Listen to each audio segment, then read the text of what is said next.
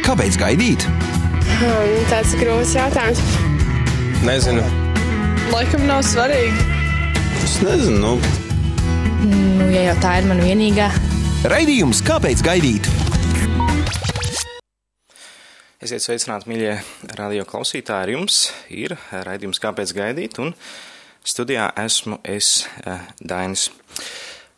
Um, vērojot uh, savi, mūsdienu sabiedrību, vērojot to, kas notiek arī kristīgajā sabiedrībā, es ieraugu, um, ka vairākos mm, arī kristīgās uh, sabiedrībās ienāk daudz dažādi mm, sekulāri uh, uzskati uh, par uh, intīmām attiecībām, par uh, to dāvanu, ko Dievs ir radījis vīrietim un sievietei.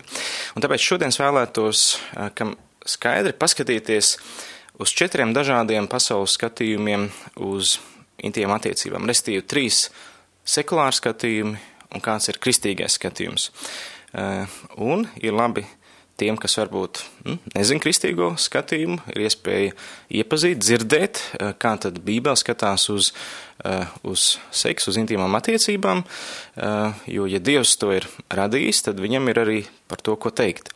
Savukārt, kristīgiem cilvēkiem tā ir atkal varbūt iespēja pastīties, vai viņu motivācija un skatījums uz intimitāti ir vispār biblisks, vai gadījumā viņi nav gājuši sekojuši kādai domai, kas ir ārpus Bībeles un līdz ar to arī laupa sev svētības šajā sfērā.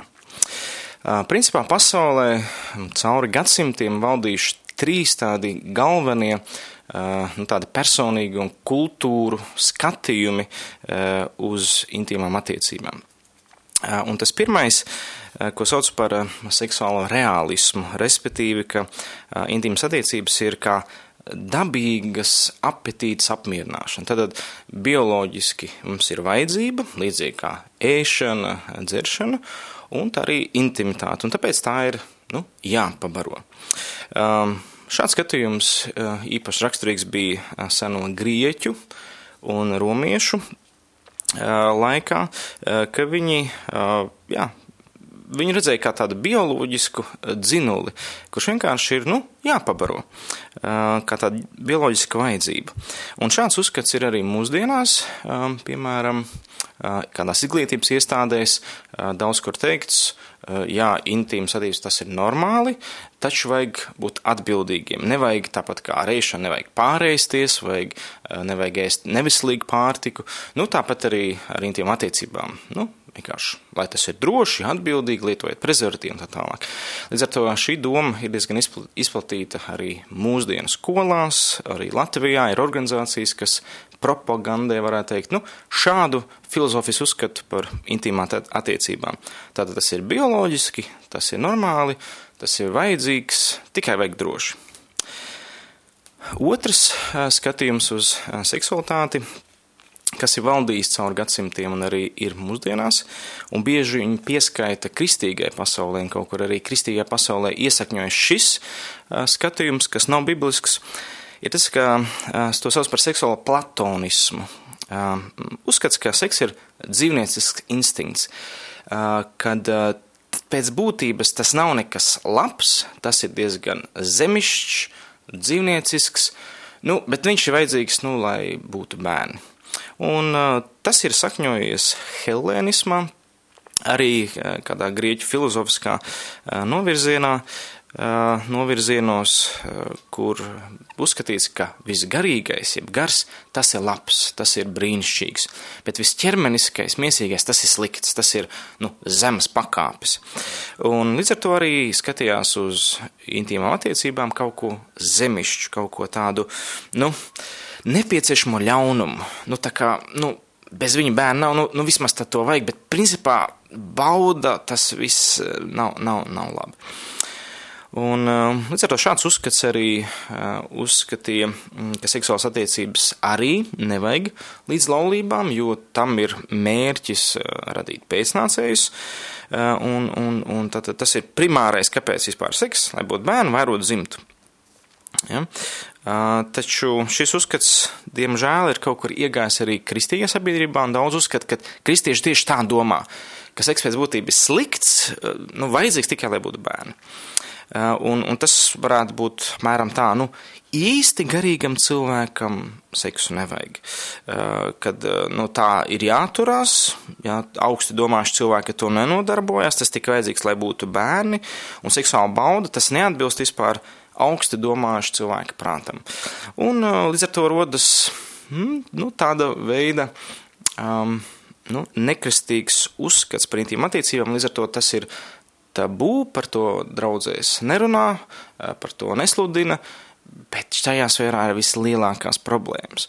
Un līdz ar to nevar par to nerunāt, jo tas ir Dieva radīts, un viss, ko Dievs radījis, ir labs, tikai mūsu skatījums uz to nav labs. Un tāpēc mēs šodien tiekam galā ar skatījumu, vai mēs redzam ar svētām šķīstām acīm intīmas attiecības, kā viņas iesākumā redzēja Ādams un Ievu, un kādas viņas redzēja Jēzus Kristus, Pāvils un daudzi citi svēti vīri.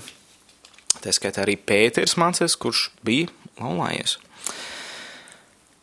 Tātad, ja pirmais um, uzskats, seksuāls realisms, kad nu, tas ir bioloģisks dzenulis, kā apetīti jāapmierina, un vienalga, vai tu esi laulībā vai ārpus laulības, nu, tā ir tev vajadzība. Uh, to sauc par seksuālu realismu. Uh, tad platonisms ir tāds atkal, ka tas ir kaut kas slikts, seks ir kaut kas nelabs, bauda nav laba. Viss, kas ir garīgs, jā, tas ir labs, bet viss zemišķais nav. Un, un arī tas vajadzīgs, lai vairot cilvēks. Trešais, kas uzskats, kas arvien vairāk valda īpaši jauno, jaunajā paudzē, jaunos cilvēkos, un ne tikai, ko sauc par seksuālo romantismu ka seks kā apslēpta radoša darbība, kad tā būtība ir tāda, ja helēnisti ļaunumu meklēja ķermenī, tad romantisti ļaunumu meklē apkārtējā kultūrā. Sakot, apkārtējā kultūra, tā ir problēma. Tas ir tas, kas mums traucē uh, brīvi uh, izpausties. Viņš mums aizliedz, uzliek kaut kādas aizliegumus. Un ar to uzskats apmēram šajā romantismā tāds, ka katrs cilvēks ir radīts labs, un viņa, no viņa dabīgi plūst labestība un radošums. Taču sabiedrība, šī sliktā sabiedrība, tā to apslāpē. Tā mums liek kaut kādas likumus, robežas, mēs, um, mūsu brīvību apspiež, līdz ar to apspiež arī mūs, un mēs tāpēc neattīstamies. Un, uh, un savukārt šo labumu mēs varam sasniegt tikai tad, kad mēs atbrīvojam savu pamatinstinktu, to, kas iekšpusē ir tas labais mūsos. Um, Līdz ar to tā ir tāds uzskats, ka mēs savā būtībā esam tīri. Kaut gan, nu, divvārds patiesībā saka pretēji, ka mēs esam uh, egoistiski, ka esam uh, netaisni, negodīgi. Un tātad, ja reālisms skatās to uz kā dzenuli, patojums skatās kā uz nepieciešamo ļaunumu, bez kā nevar dzimt bērni, tad seksuāls romantisms skatās uz intīmu attiecībām kā uz sevis izpausmes veidu, ja veidu, kā es varu būt es pats, kā es varu atrast sevi. Tātad, teiksim, tiem, kas to bioloģisko nu, principu uzskata, ka seks ir labs, ja tas ir drošs.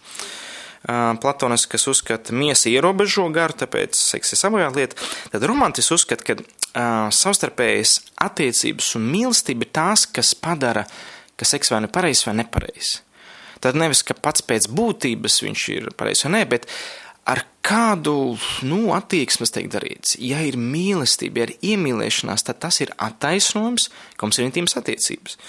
Līdz ar to, ja nav, ja tas darīts bez mīlestības, ja tas, nu, teiksim, nu, ir piespiedu kārtā vardarbība, tad tas nav pieļaujams.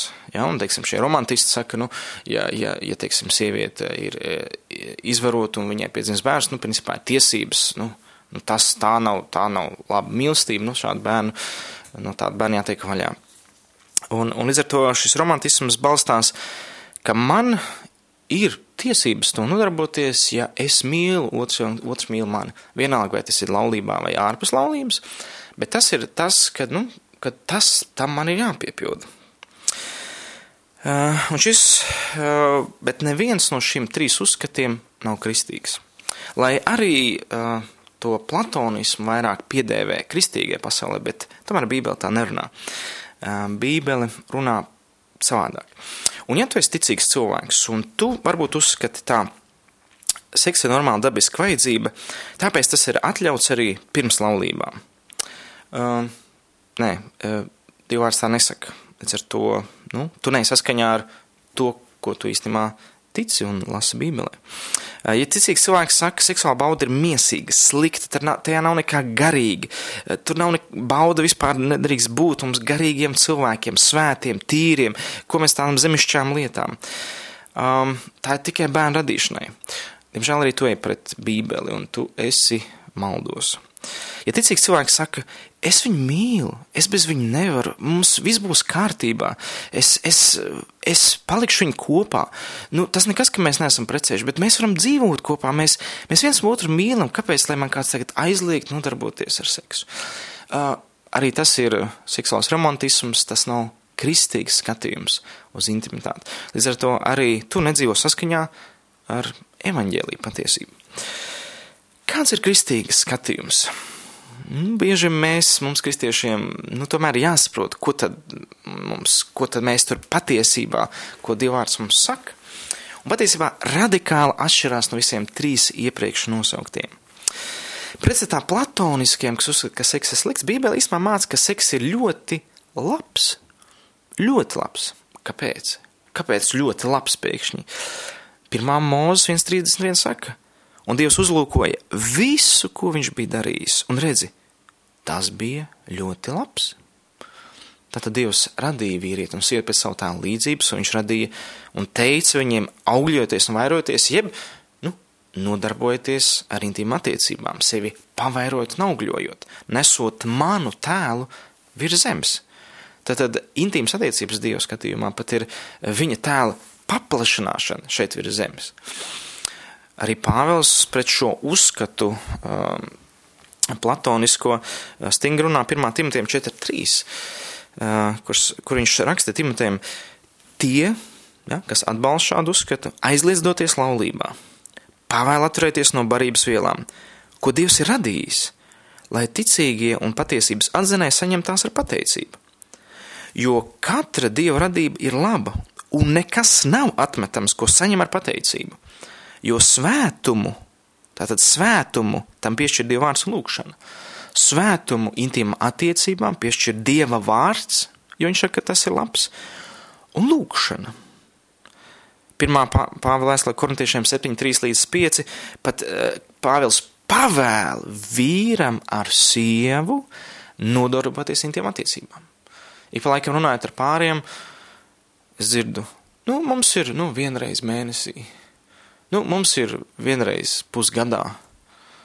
Uh, tas nav pēc dieva principa. Tad jūs ļoti svēti cilvēki, jo Pāvila korintiešiem saka, atturieties no intīm attiecībām uz laiku, kamēr jūs pavadāt laiku lūkšanās, un arī krievalodā rakstīts vēl gavēšanā. Tad, wow, pusgadu jūs lūkšanās un gavēšanās pavadat, jūs esat super svēti cilvēki. Vai arī vienkārši jūs nedarat to, ko Dievs aicinās vīram un sievai darīt. Neatkarīgi, cik jums ir gadi.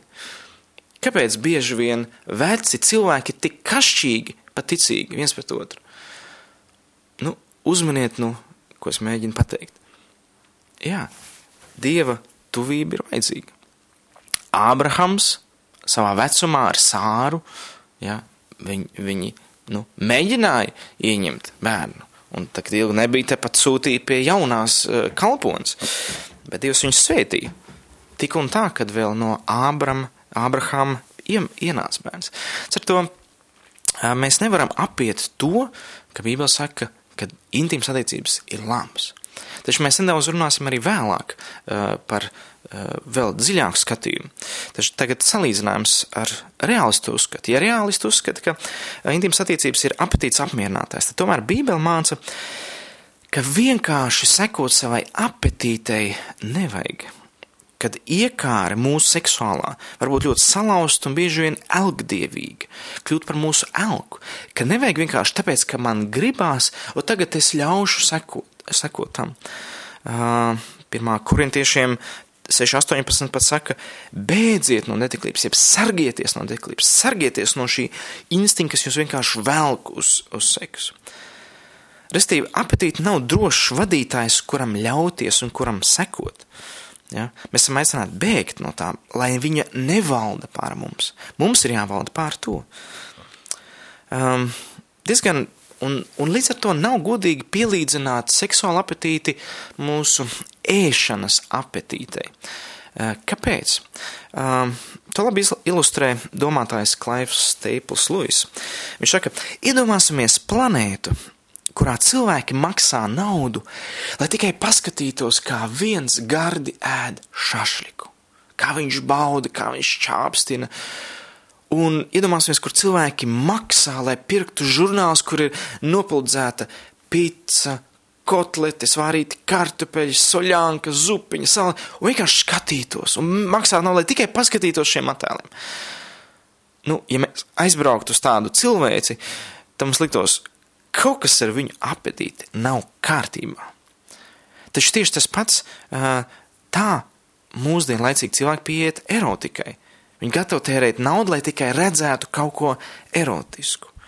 Ar to mēs nevaram likt vienādīt zīmes starp seksuālu apetīti un ēšanas apetīti. Iepratim romantisma uzskatam, um, ka Bībele māca, ja romantisms ir meklējis savu individuālo laimi, seks mani piepilda, mani dara laimīgi, tas mani attīstas, mani atbrīvo, uh, tad Bībele māca, ka seks nav primāri priekš individuāls laimes. Pāvis pirmā korintiešiem skatās uz seksu diezgan praktiski, bet tajā laikā ļoti arī garīgi. Tad viņš min, lai vīrs nav noteicējis pār savu miesu, bet sieva pār viņu miesu un otrādi. Restīvi fokus ir, ir uz, uz otru, bet tas nav tikai arī individuāli priekš sevis. Bet patiesībā viņš skatās pirmajā korintiešiem 7. nodaļā diezgan praktiski un tajā laikā arī ļoti garīgi. Kādā veidā? Piemēram, ģimības attiecības un laulība kas nāk līdz intiem attiecībām, ir, ir palīdzība vīram izsargāties no netiklības grēka. Vai intīmas attiecības laulībā ir paredzētas, lai nekrist kārdinājumā abi dzīves draugi un nepārkāpt laulību. Tātad tas, tas ir tam vajadzīgs. Arī, lai atlaist necīgu vīru, ja viņš grib šķirties, lai būtu miers. Ja, tad atlaist to, ka tev intīmas attiecības necik cilvēka laulībā, Dievs saka, ja, ja viņš grib šķirties, atlaid, jūs mieru ir aicinājis. Tad, tad skatās šī intīmas attiecība kā instrumentu, ja, kur, kur tu tur vai nu esi kopā, vai tu neesi.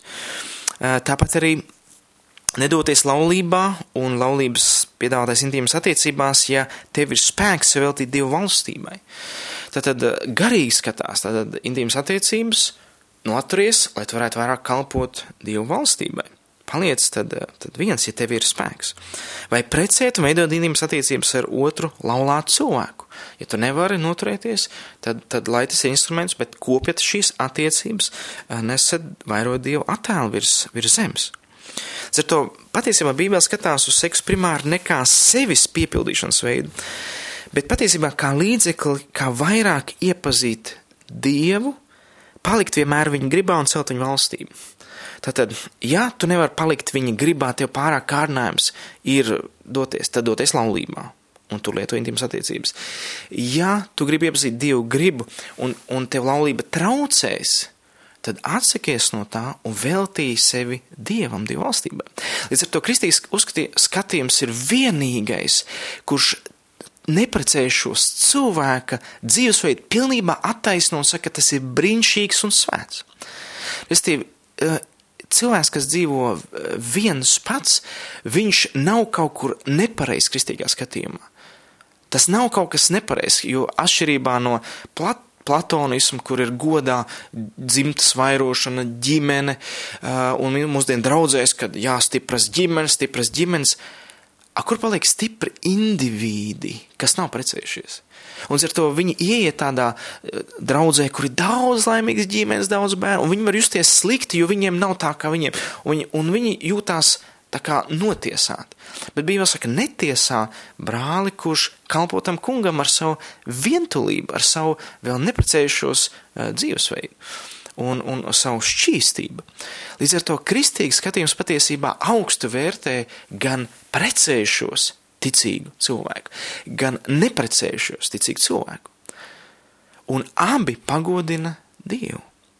Līdz ar to, tātad, tātad vēlreiz, Bībele skatās uz, uz seksuālu attiecību prim, primāri kā līdzekli, kā vairāk iepazīt Dievu, un mēs nedaudz runāsim, kāpēc caur to varētu iepazīt Dievu. Otkārt, palikt vienmēr, palīdzēt viņam palikt viņa gribā, vai nu ieejot intīmas attiecības laulībā, vai atsakoties no intīm attiecībām, veltot sev pilnībā Dievam, vai celt viņa valstību caur intīmām attiecībām. Kādā veidā? Vairojot, jā, pēcnācējus, kuriem uh, māca par Dievu jau no bērnības, un līdz ar to tas ir arī svēts veids, kā pārējot Dieva tēlu virs zemes. Un tāpēc paskatīsimies, kāpēc Bībele skatās uz intiem attiecībām kā uz svētu sakramentu. Ka tas nav vienkārši, kas nu, man jādara ar to sievu, nu, ja kaut kā bērns vajag, vai, vai viņai tur vajag, vai viņam tur vajag. Bet patiesībā tas ir, intīmas attiecības ir kā sakraments. Sakraments nozīmē no vārda sakrums, svēts, svētdarošs. Tas kaut ko mums, Dievs caur to mums atklāja. Uh, tātad pirmkārt, pirmkārt uh, intīmas attiecības ir svētas, tāpēc, ka caur tām Dievs rada jaunu dvēseli. Tur rodās dvēseli, kurā ir mūžība ielikta. Bībele saka, ka mūsos mūžība ir ielikt. Tad tā pavairo cilvēks, tā pavairo līdz ar to cilvēks, kurā Jānis Dieva tēla attēls, pavairo Dievu attēlu virs zemes. Un mērķis tādā gadījumā ir vairot mācekļus virs zemes, ma vairot Dieva attēlu mūsos, mūsu ģimenēs. Tātad veidot sabiedrības, kas ir Dieva valstības sabiedrības.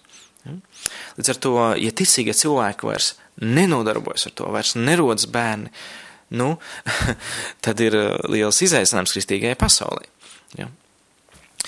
Um, un līdz ar to uh, tas ir kaut kas, um, nu, citādāks varbūt nekā vienkārši mēs par to domājam.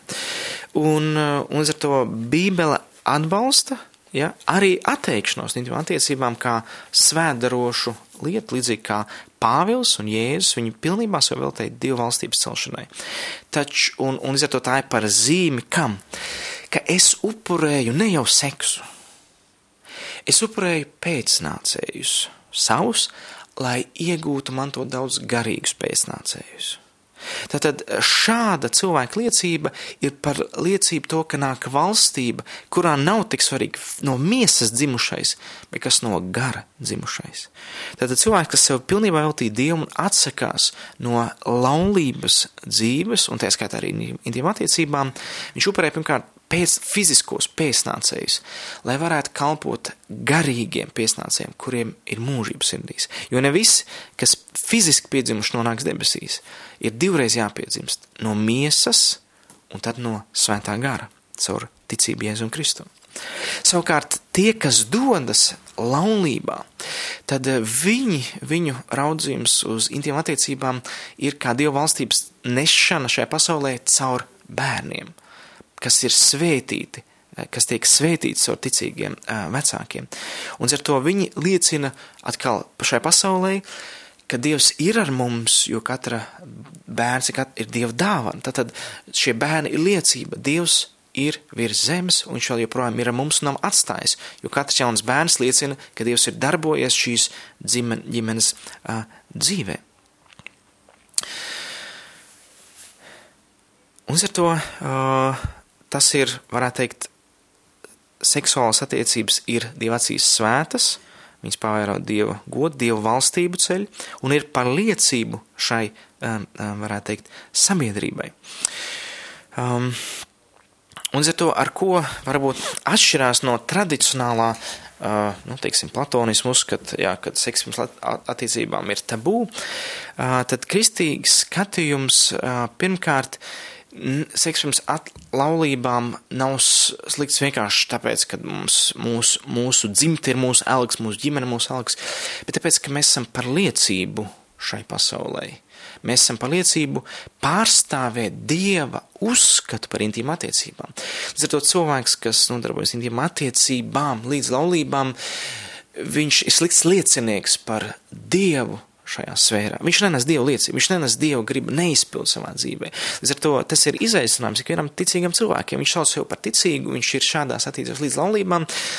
Viņš iet disharmonijā pret Dievu vārdu, un Svētais gars nevar pilnībā viņu lietot kā liecību. Diemžēl. Un, un līdz ar to tāpēc vajag sakārtot to, vai nu tad izvēlēties vienatnē dzīvot Dievam, vai tad stāties ticīgā laulībā un būt par liecību bet nevajag stāvēt kaut kur pa vidu kompromisā starp to, ko Dievs vienkārši nerunā.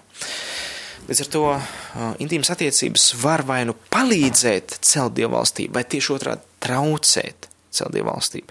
Un katram jāsaprot, kā viņš, um, uz ko viņš ir aicināts, ko Dievs viņu aicina. Um, otrā lieta, kāpēc um, seks ir svēta sakramenta lieta, tāpēc, ka viņi kaut ko īpašu mums parāda par prieku, parāda par uh, priecām, prie, prieku, uh, kā Klaivs Tiepus Lūjas nosauc to par uh, deju, uh, par varanu deju. Tātad seks vienmēr saistīts ar konkrētām attiecībām. Tajās nāk līdzi baudas, uh, se, sevis nodošana otra rokās, lai iepriecinātu. Ja? Tātad seks nav es ņemu, lai man būtu bauda no otra, bet tieši otrādi es sevi veltīju derības attiecībās priekš otram, lai viņu iepriecinātu. Un, un tā ir sava veida um, ekstāze, kas tiek piedzīvots starp vīrieti un sievieti. Ja mēs skatāmies ar garīgām acīm, tad tā ir līdzība, analoģija uh, priekam, ko, kas mums liecina par prieku, kas stāv mums vēl priekšā. Tātad spēcīgākā bauda šeit virs zemes, lielākais prieks, ko Dievs ir radījis, ir intīmas attiecības, ko mēs izgūstam fizioloģiskā, dvēseliskā un savā ziņā arī garīgā līmenī. Bet tas ir tikai par liecību tam lieliem priekam, kas vēl nāks, ka mēs būsim debesīs un piedzīvosim to ekstāzes, nebaidošies no šī vārda, kas būs augšā debesīs. Un, un jo nu, ir kāda grāmata Bībelē, kas mums runā par šo ekstāzi starp vīrieti un sievieti. Tā ir augstā dziesma. Un tie, kas ir dzīvojuši varbūt nedaudz vairāk platonisma ietekmē, teiksim, iepriekšējā paudzes kristieši, viņi redz tikai garīgo tajā, tikai garīgo, tikai garīgo tajā.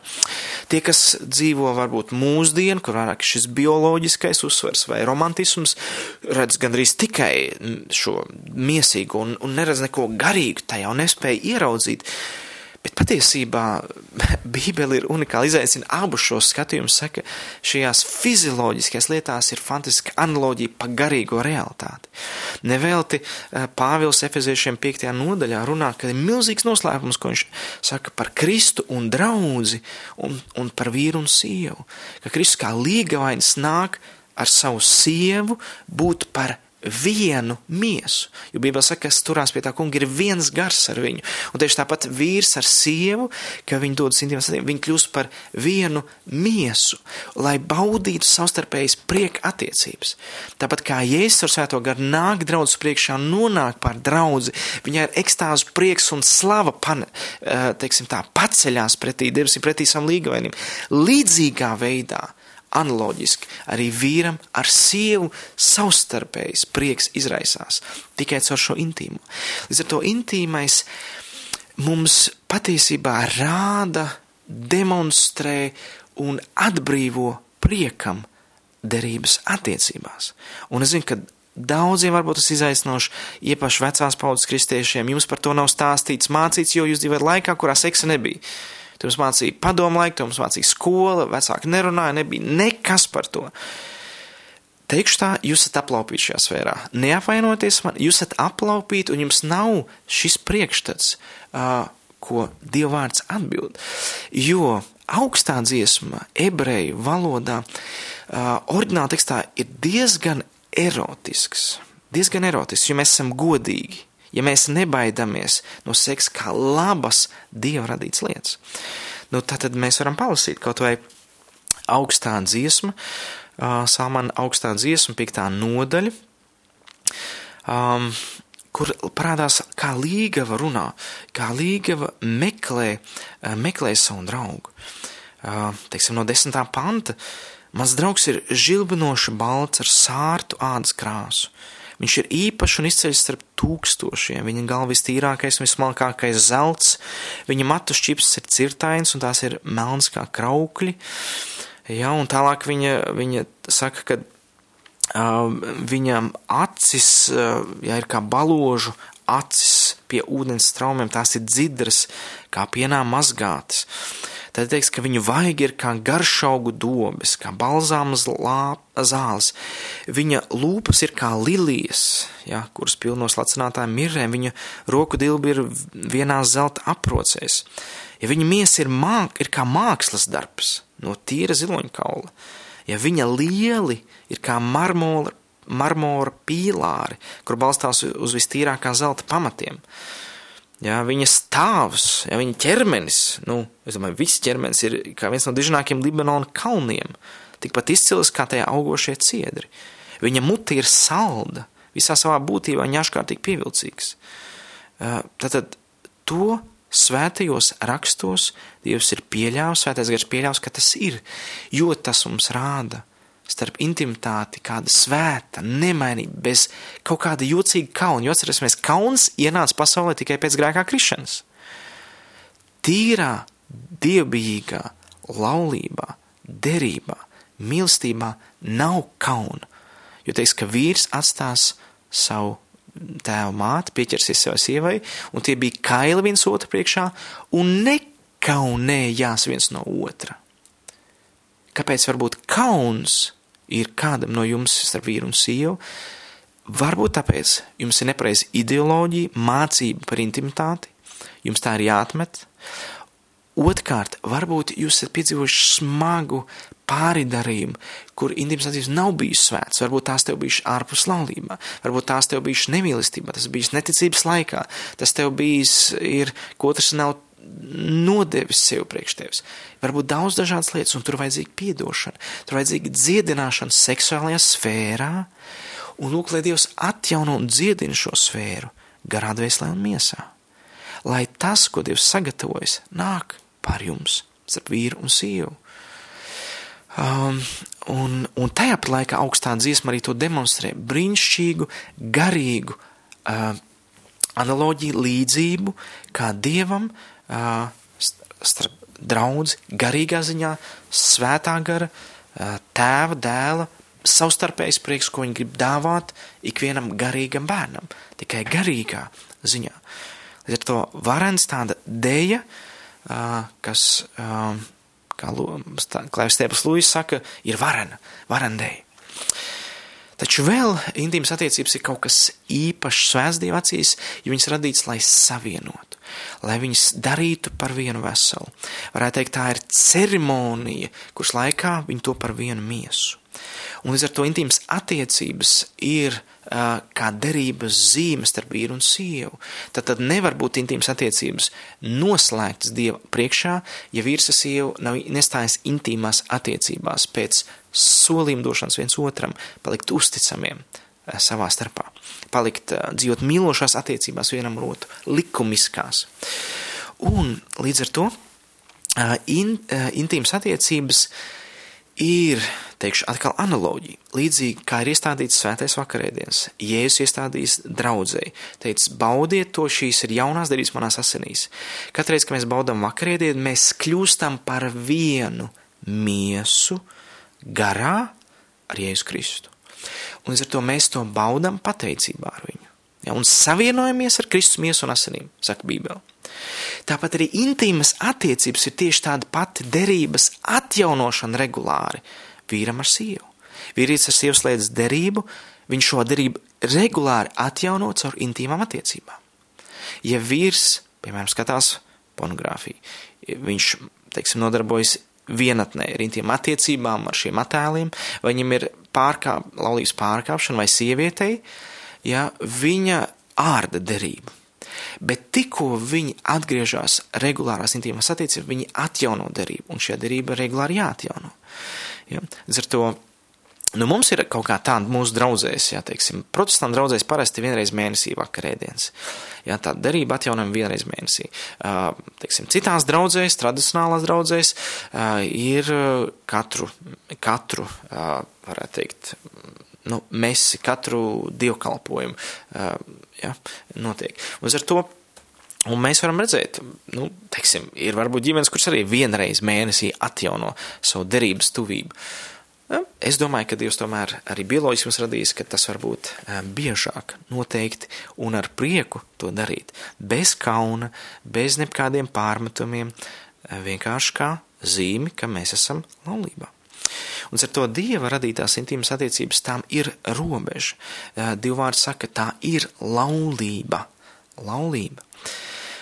Mūsdienu cilvēkiem varbūt tas daudz kur ir nepieņemama. Tāpēc, ka ir izskanējusi mācība varbūt no Zigmunda Freida par fokusu eh, mūsu iekšējais ideja, ja, kaut kādā veidā ir konfliktā ar ārējo šo superego, kad, eh, teiksim, iekšēji mums tas prasās, ārēji to nedrīkst, mums ir iekšējais konflikts, tāpēc mēs ir zemazziņā konflikts, mums ir neveselība, ar to ir neveselīgi vispār neveidot to.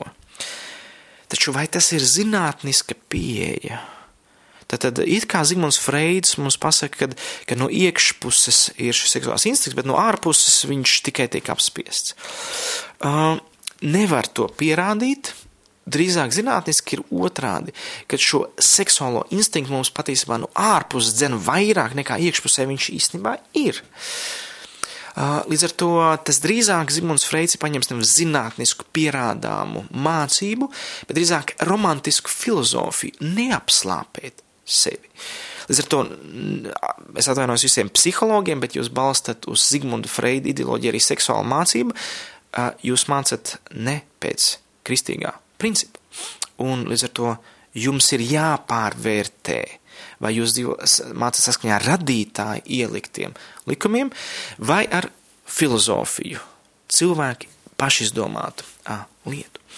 Un tajā laikā arī kristiešiem jāuzmanās neaiziet platonismu idejā, teikt, ka seks ir lab, slikts, to nedrīkst, tas tam nekādai baudai nevar būt, un jūs atstomiet savu derībā slēgto dzīves draugu, uzskatot, ka viņš ir kaut kāds tur dzīvniecisks, ja vēl nosaukot, jūs visat vīrieši tikai gribat vienu, jūs arī iet pret bībeli, jūs iet pret dievānu. Un tāpēc aicinu pārvērtēt, kam mēs ticam, ko mēs uzskatām, vai tas sakņojas tiešām Dieva vārdā. Un, ja tas nesaņems Dieva vārdā, svētā gar svētība un svaidījums pār to nebūs.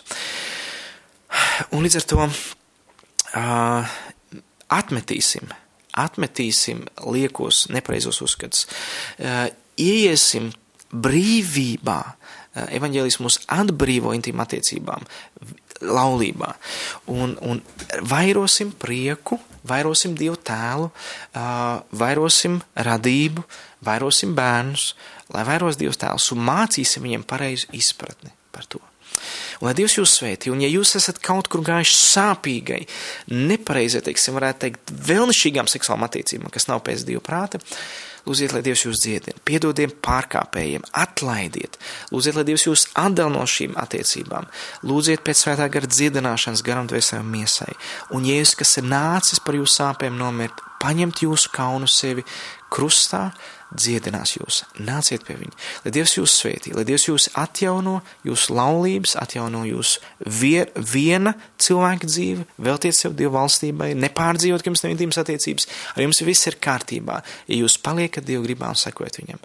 Šis bija raidījums, kāpēc gaidīt studijā bijis Dainis, lai jums Dievu svētība līdz atkal tiksimies. Alaukar! Šis bija raidījums Kāpēc gaidīt? Klausies to katru otrdienu, pulksten 18,5 minūtēs Latvijas kristīgā radio ēterā vai arī jebkurā tevērtā laikā internetā www.īsta mīlestība gaida LV.